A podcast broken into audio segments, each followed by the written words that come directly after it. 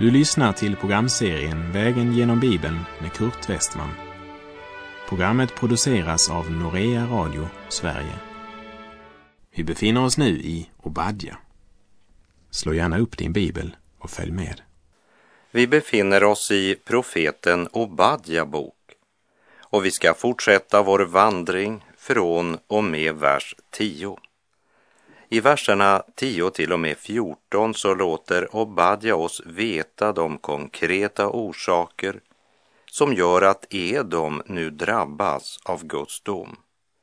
Den ointagliga staden ska räddningslöst krossas av fienden och av deras visdom och stolthet ska bara en rykande aska bli kvar som ett vittnesbörd om vad som till sist blir syndarens lön. Stolthet var deras huvudsynd. Men synd föder synd. Och ut ur stoltheten så blomstrade alla de andra synderna. Trädet som har sina rötter i stoltheten har burit fram den ena frukten efter den andra. Det kan inte vara annorlunda.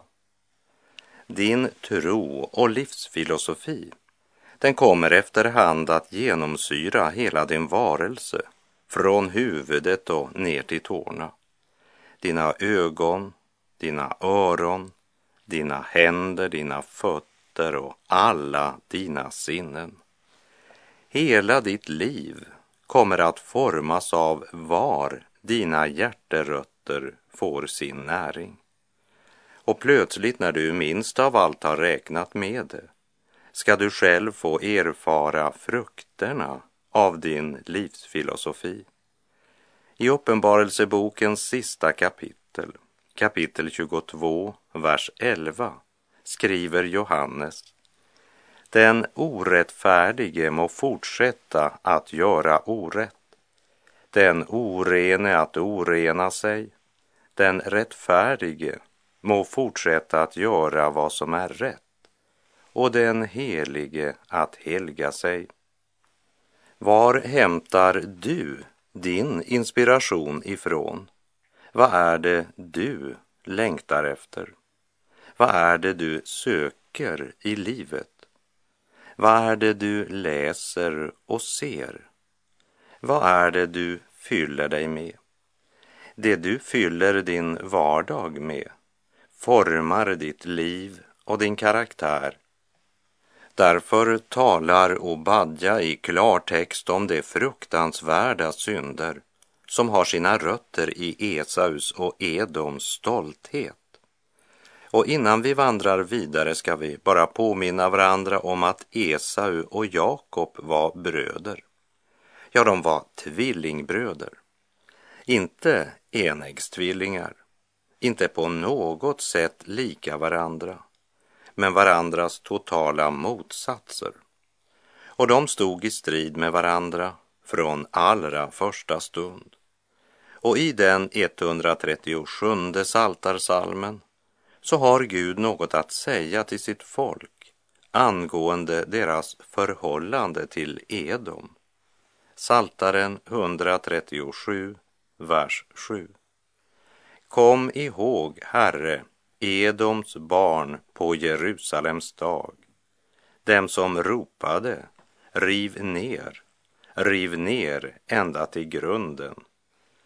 Istället för att hjälpa Israel i deras nöd när babylonerna ödelade nationen så stod de på sidolinjen och uppmuntrade istället babylonerna till ännu större brutalitet. Men Gud hade redan från början när Israel kommit in i landet sagt Du skall inte avsky edomiten, för han är din broder. Du ska inte heller avsky egyptiern, för i hans land har du bott som främling. Som det står i femte Mosebok 23, vers 7. Israels band till edomiterna var större och starkare. Han var deras broder Och på grund av det så säger Herren att de inte skulle avsky eller hata dem. Men vi ska se hur edomiterna manifesterade sitt hat mot Jakobs efterkommande allt mer, så länge deras nation bestod. Herren talar om fem olika gärningar som har sina rötter i stoltheten och deras livsfilosofi som byggde på högmodstanken att de kunde leva sina liv utan Gud. Det första Gud nämner, det är våld. Obadja, vers 10. För våld mot din broder Jakob ska du höljas med skam och bli utrotad till evig tid. För detta våld ska de nu skörda två frukter. För det första, de ska höljas med skam. Babylon lyckades inta staden och landet och invånarna fördes bort i fångenskap. Deras styrka, deras stolthet och visdom blev till hån och skam i den period då de var ett folk i fångenskap, berövade allt. För det andra, de skulle bli utrotade till evig tid. Edom skulle som nation läggas i grus, krossas totalt och även den profetian blev bokstavligen uppfylld. Det finns ingen nation idag som bär namnet Edom. Ingen flagga som kallas för Edoms fana. Edom existerar inte längre. Edom var landet som hade en kultur utan Gud och som i egen kraft för en kort tid såg ut att blomstra och imponera många. Men där Gud förkastats växer våldet. Som du minns från vår vandring genom Markus evangeliets femte kapitel, där vi läste om mannen med en oren ande som höll till bland gravarna och som var en både stark och avslöjande illustration på en människa eller ett folk som vänt Gud ryggen. En man som alltså kommit till en punkt i livet då inga normer, inga värderingar eller gränser förmådde behålla honom. Och texten i Markus 5 säger att ständigt, natt och dag, höll han till bland gravarna, där han höll på med att skrika och slå sig själv med stenar. Han skadar inte bara andra, men nu slår han sig själv med stenar. Det vill säga, våldet har mist alla proportioner. Våldet har blivit gränslöst. Och inte minst i vår tid börjar våldet bli gränslöst. Det är ju inte minst filmindustrin ett verkligt exempel på. Den moderna filmens skildring av våldet är gränslöst. Våldet präglade Edom och våldet blev gränslöst. Våldet är inte Guds metod. Jesus säger i Matteus 5.39 Jag säger er, stå inte emot den som är ond, utan om någon slår dig på den högra kinden, så vänd också den andra åt honom. Och i Matteus 5, 43 och 44 står det. Ni har hört att det är sagt. Du ska älska din nästa och hata din ovän. Jag säger er, älska era ovänner och be för dem som förföljer er.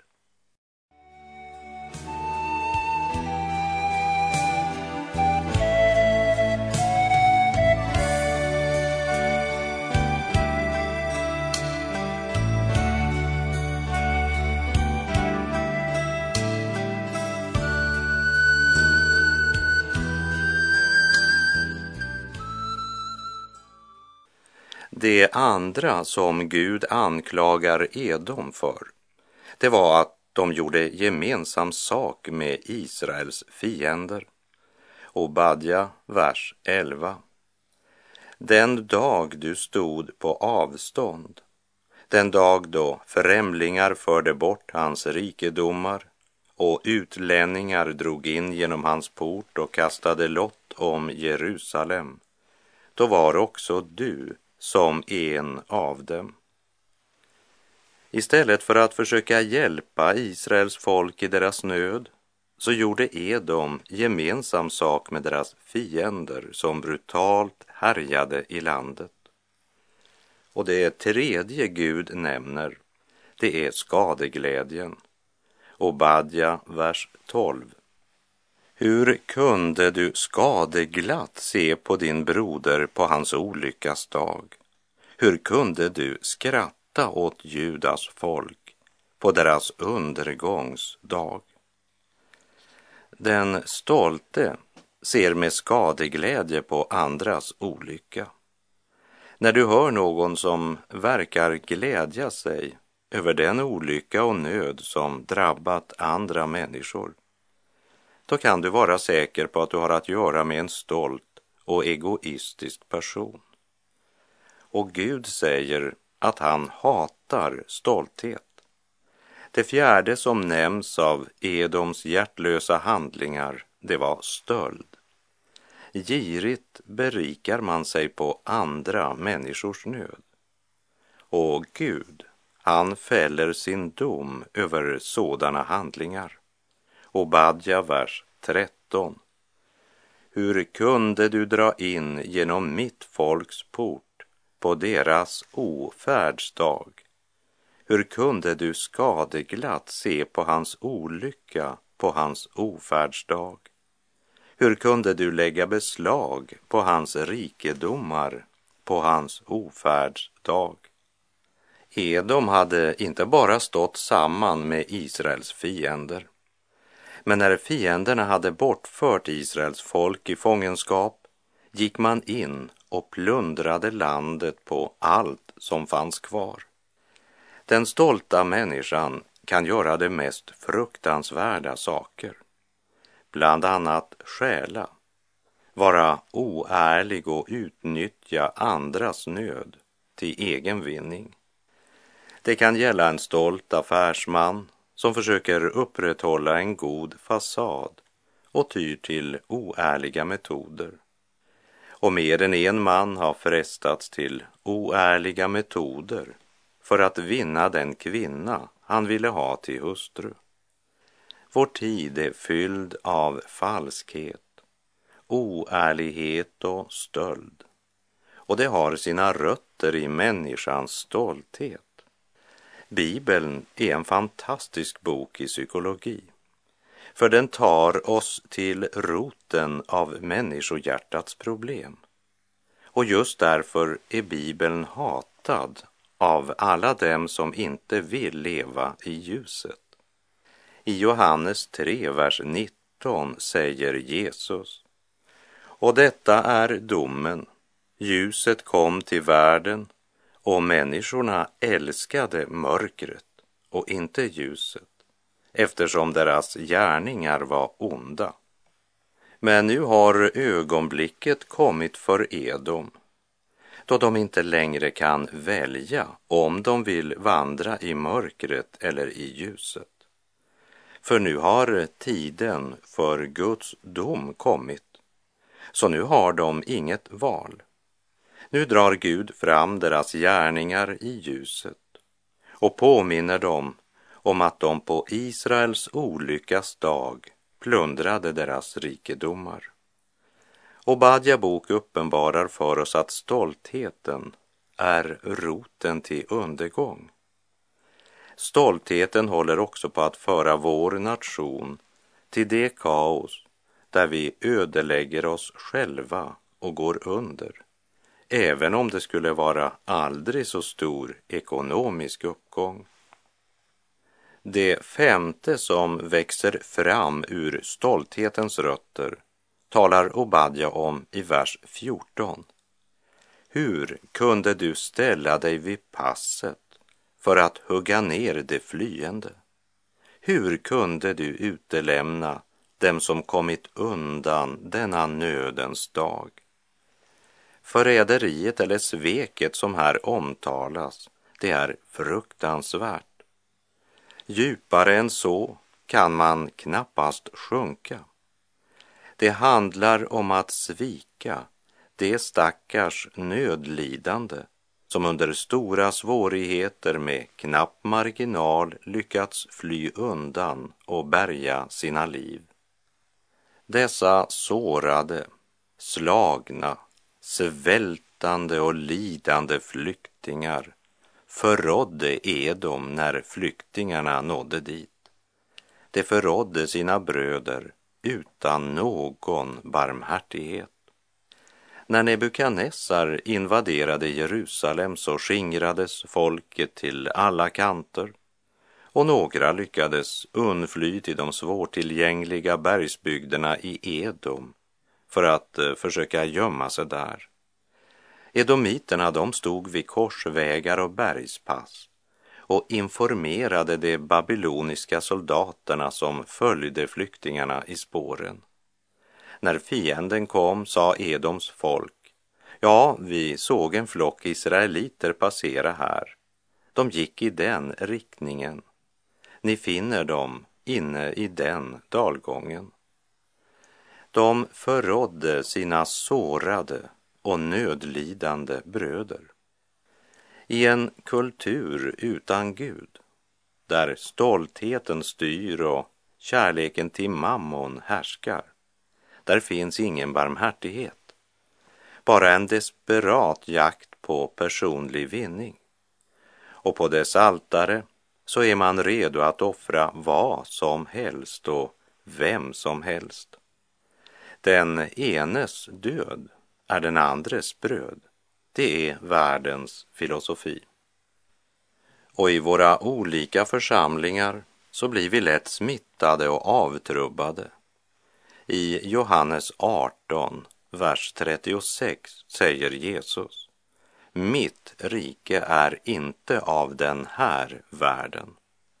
Och i Lukas 16, 13 säger han Ingen kan tjäna två herrar. Antingen kommer han då att hata den ene och älska den andre. Eller kommer han att hålla sig till den ene och se ner på den andre. Ni kan inte tjäna både Gud och mammon. Fredrik Bo Tucker skrev En väg bekväm man bjöd mig gå, ej korsets smala stig.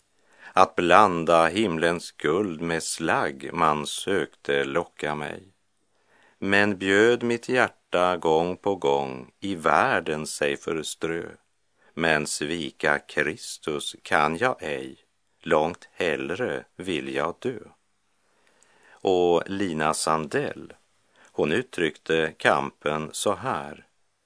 Gläd dig då du lilla skara, Jakobs Gud ska dig bevara, för hans vilja måste alla fiender till jorden falla. Och det skulle också ske med edomiterna som högg ner de flyende och utelämnade dem som flydde in i deras bergsområden på nödens dag. Men Gud har sett deras svek och lyfter nu fram det i ljuset.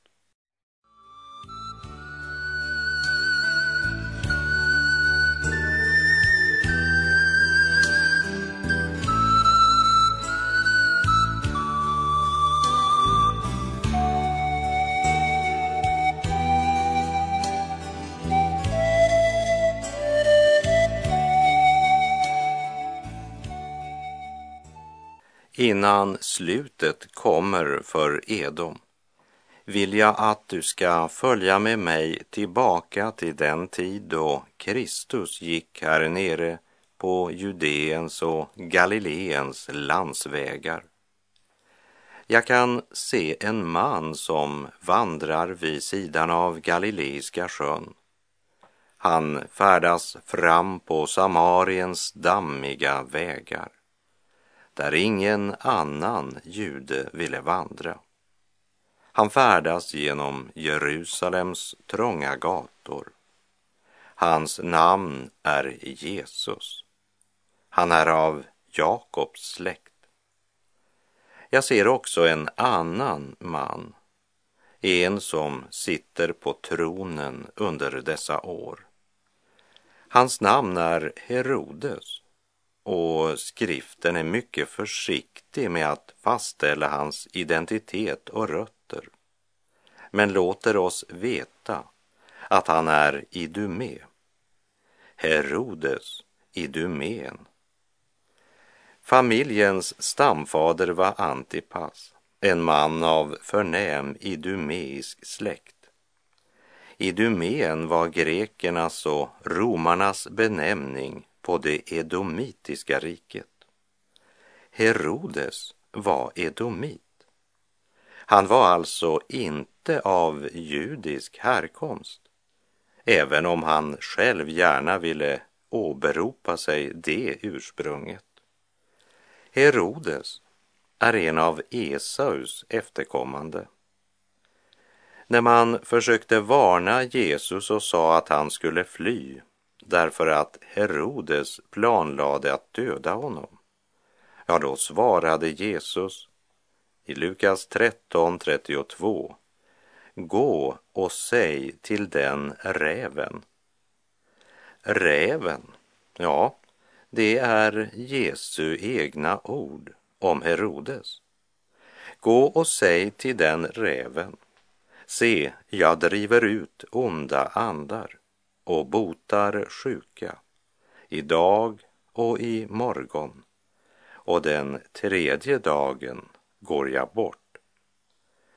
Och när Jesus slutligen fördes inför Pilatus för att dömas av honom så öppnade Jesus inte sin mun.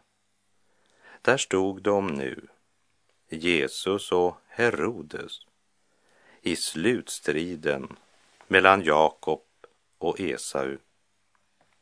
Esau var mannen som föraktade sin förstfödslorätt.